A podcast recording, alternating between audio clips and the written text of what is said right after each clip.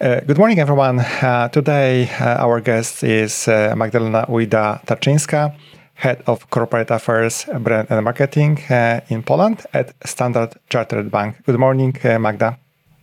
Good morning. Hello. How are you doing today? I'm very well, thank you. Uh, at, at this time of the day, I have a great pleasure to be located in our beautiful office in, in Warsaw uh, with a spectacular view on, on the city landscape. And the weather is excellent since we're in the middle of the summer. Uh, so I'm, I'm doing very well, thank you. And uh, today we will be discussing the um, um topic which was uh, covered in the, a few previous uh, um, podcasts. Um, we will talk about the inclusive, inclusive and diversity. Uh, but today, the, our specific topic will be related to the communication. And I would listen and learn from you what inclusive communication is all about. Uh, thank you very much uh, for dedicating this episode of, of the podcast to inclusive communication, which is absolutely a fundamental part of creating an inclusive environment where everybody feels welcome and included and respected. Uh, if if you want me to to try to define it, uh, I would say it's about using words and non-verbal uh, communication or expression um, in a way that demonstrates awareness, respect, and consideration for various perspectives, various ideas, and various identities that are represented among the audience that we're talking to. Uh, it's also about avoiding certain, certain terms and expressions uh, that may either intentionally or unintentionally harm somebody, make somebody feel uncomfortable, unwanted, alienated, or even discriminated.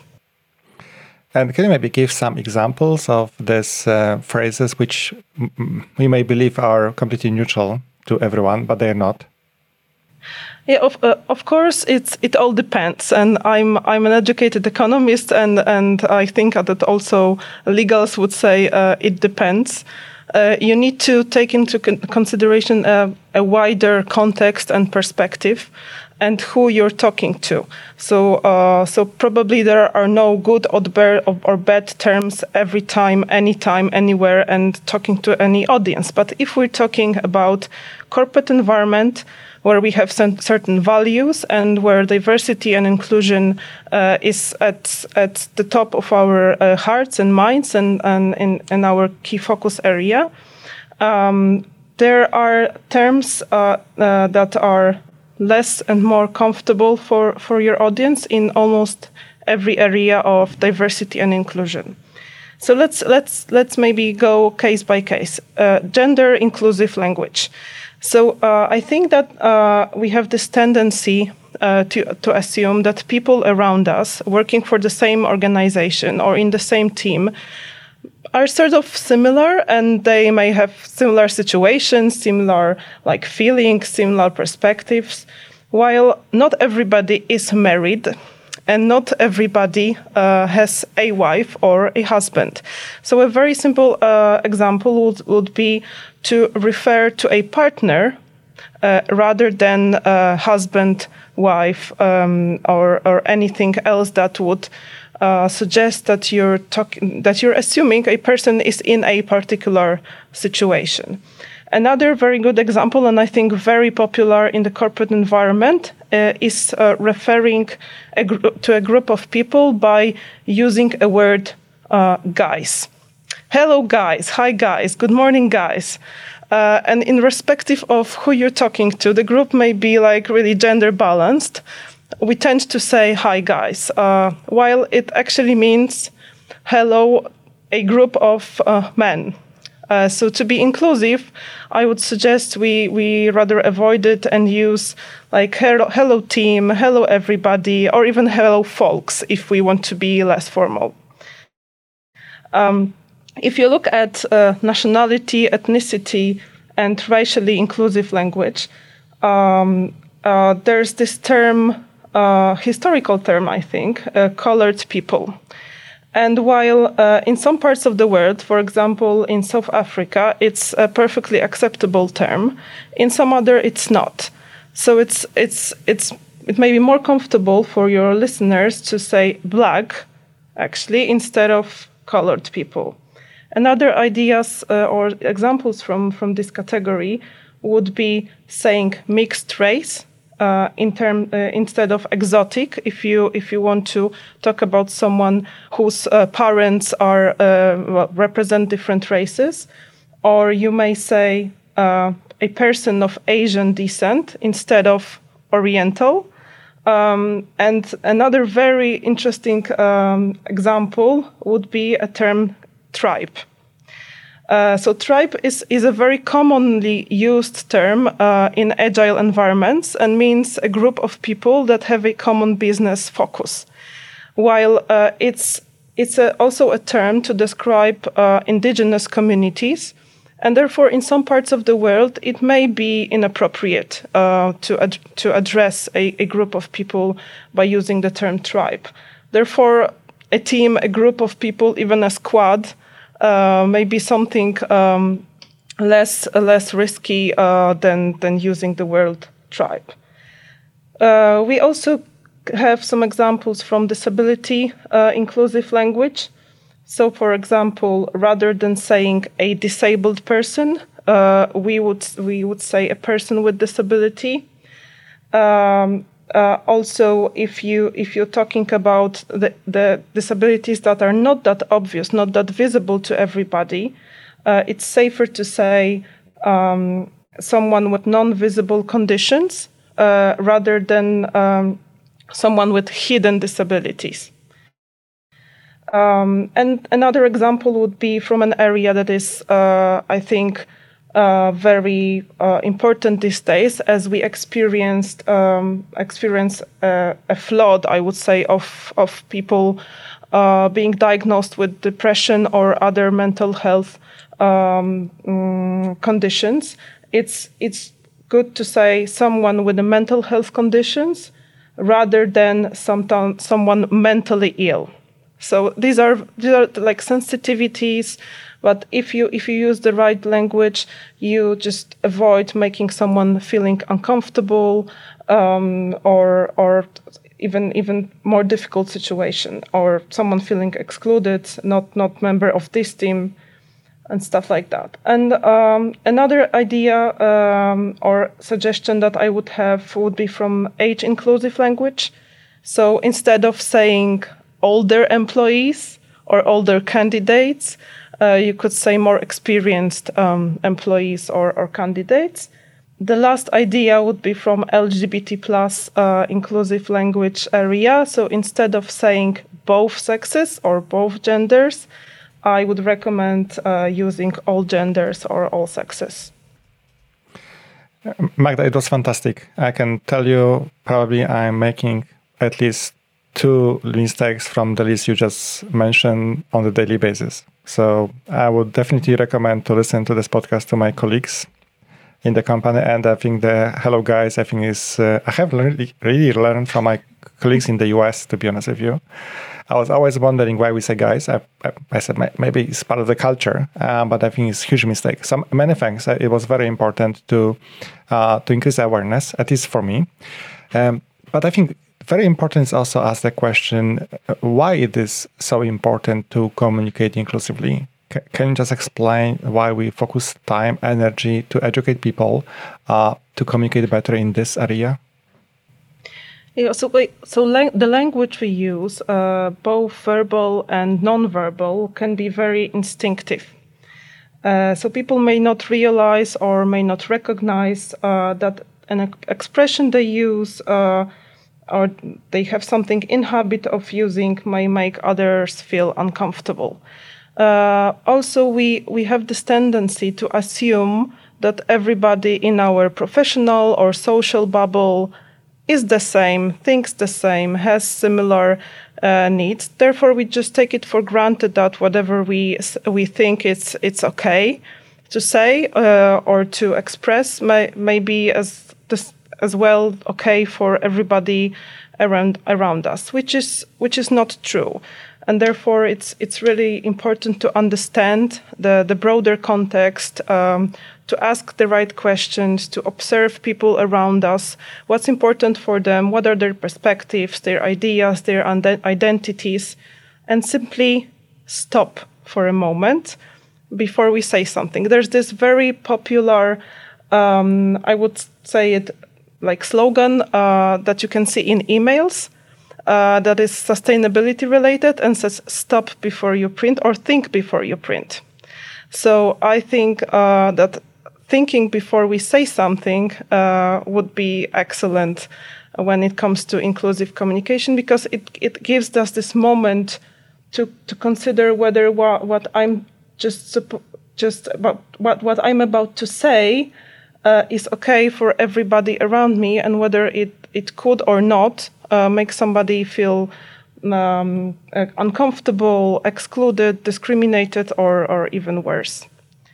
And uh, if, the, on the other hand, if we if we take the effort to stop and to to think about what we're going to say and to communicate inclusively, uh, then then it uh, it demonstrates our own greater awareness, uh, respect, and consideration for different perspectives, identities, ideas that the individuals around us bring to the table. And this is not just at work; it's basically everywhere where we operate um, or interact as as individuals, and it helps us avoid the use of certain expressions and words that may intentionally or unintentionally, because this, this also happens, exclude, or alienate, or, or offend uh, people around us.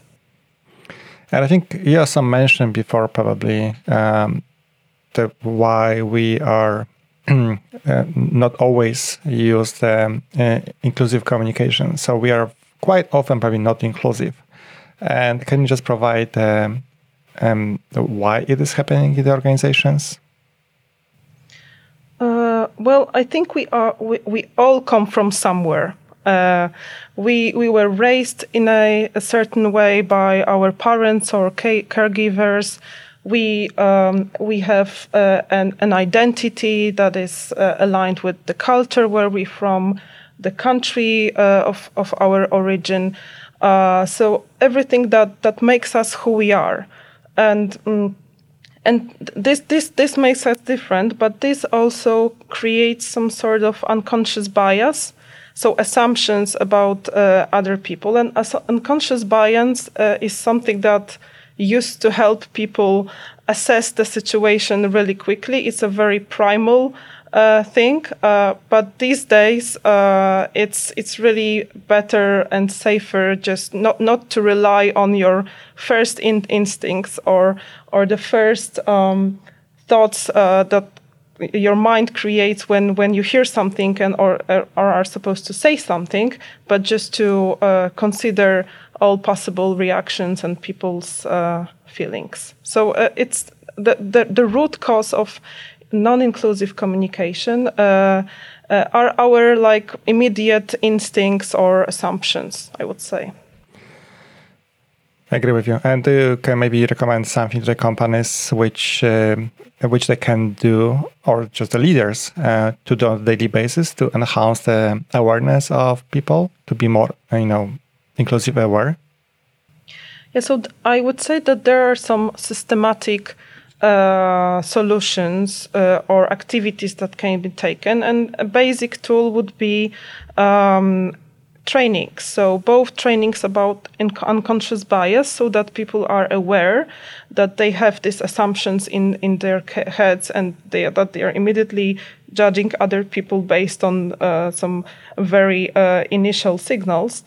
Uh, but also training in specifically inclusive communication uh, sort of equipping uh, them and their team members with certain examples of the terms that we, we have actually discussed um, already during this conversation so that they uh, know and can be aware of, of what to do, what not to do, and it, because it helps. Of course, it takes time and it, it, it requires practice um, to uh, for this inclusive language culture to be fully embedded, but it's it's definitely uh, worth it. Um, I would say that it's important to educate uh, both managers and um, and non-managerial staff because manager managers in my opinion have very special a very special role to play here uh, in identifying and reacting to uh, non-inclusive communication so unless a manager reacts to an incident that someone's using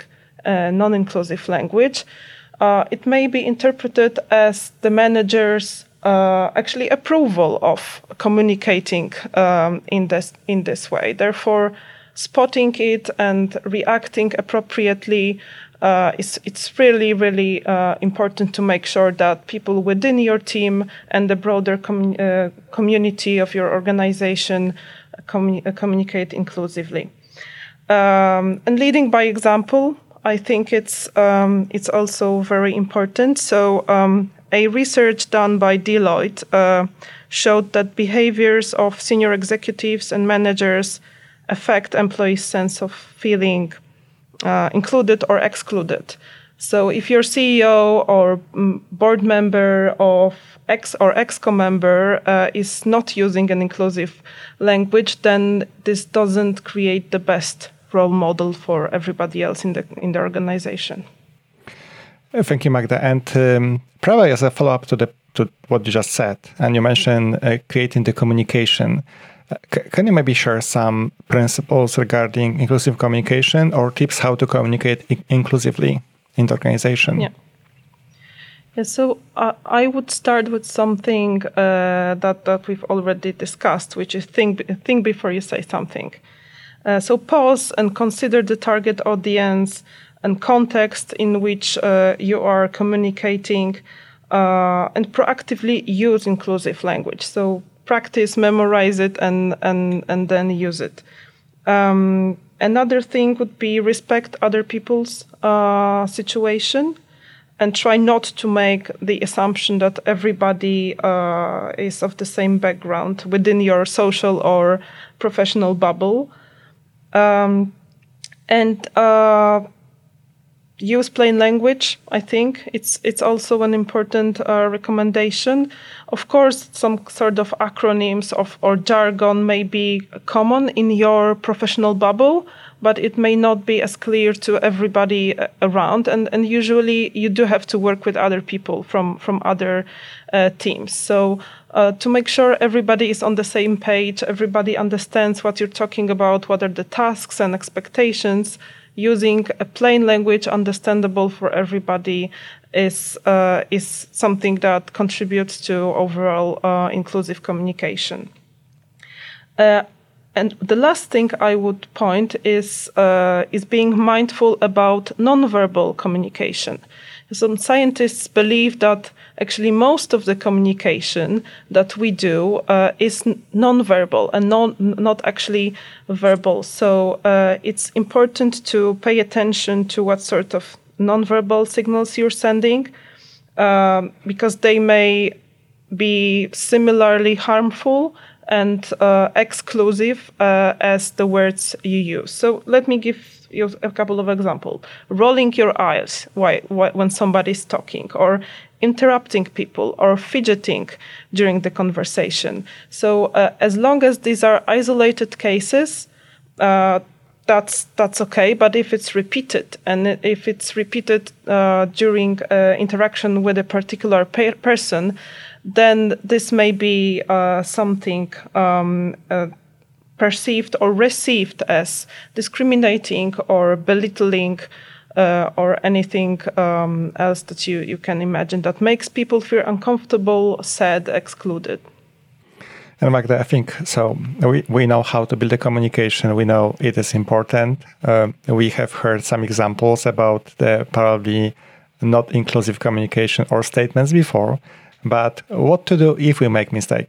And we will use this language, and you will see that someone does not feel very well. So, uh, first of all, I would like to say that an inclusive environment is where it's okay to make mistakes. Uh, and uh, it's it's an environment where this blame and shame game shouldn't exist. So um, everybody makes mistakes also uh, while communicating. Uh, it's it's something to be accepted, but also something uh, where we need to give constructive uh, feedback, and we should where we shouldn't be afraid to to give that um, that feedback. Unfortunately, I would say a lot of people um, are afraid are afraid to to say this is not okay. This hurt my feelings. This this makes me feel uncomfortable. Uh, because in fear of negative consequences. But if it, it happens, then uh, I would say simply apologize and uh, try to understand what to what you could make differently to avoid a similar situation um, in the future. Uh, so this is this is when you're the person who who used non-inclusive language. But if you're if you're the person who's a, a recipient of a non-inclusive a non-inclusive um, wording or term or uh, communique, then do not be afraid to to point the per, the person's attention um, uh, to that. Um, you may say you may not have realized that, but when you use use this word, it made me feel uncomfortable. Or for some people, this term can feel offensive. You may consider using another one instead. So it's about uh, doing it in a kind way um, and in a caring way uh, and in a way that helps other people understand uh, why a term you used uh, is maybe not the best one. I can also probably give you some example from my personal life. Magda, I remember I was uh, talking to my friend and his uh, person living in, in India, and we just talked about the purpose of the life and the job. I just said, you know, I would like to do very, very important things in my life because I have only one life. And then I just mm-hmm. reminded myself, okay, but he's from India, so they believe in reincarnation. So I just said, but for you, my friend, it's different story because you will have the uh, different life after that. So uh, he was laughing, of course. Uh, we know each other for years, but um, everything you say in the context of your culture, as you mentioned before, uh, it may generate some some miscommunications at least, or maybe some funny situations in best. Yeah, and I think it's uh, a very important thing is to assume that uh, that people have good intentions and uh, that uh, that they're not communicating exclusively uh, in a deliberate way. So these are the mistakes that we mentioned, or not taking the broader picture into consideration that that make us fall into this trap uh, of of uh, non-inclusive language. And I think that if we if we take this approach that someone has just made a mistake and not sort of accuse somebody uh, of uh, of being discriminative, this make makes things really um, easier and our cooperation with other people simply nicer and more comfortable. Magda, thank you very much for sharing expertise and knowledge and uh, increasing our awareness, definitely my awareness about inclusive communication. Many thanks for coming. It was a pleasure. Thank you very much. Thank you to everybody who has listened to this podcast, and I hope it was useful.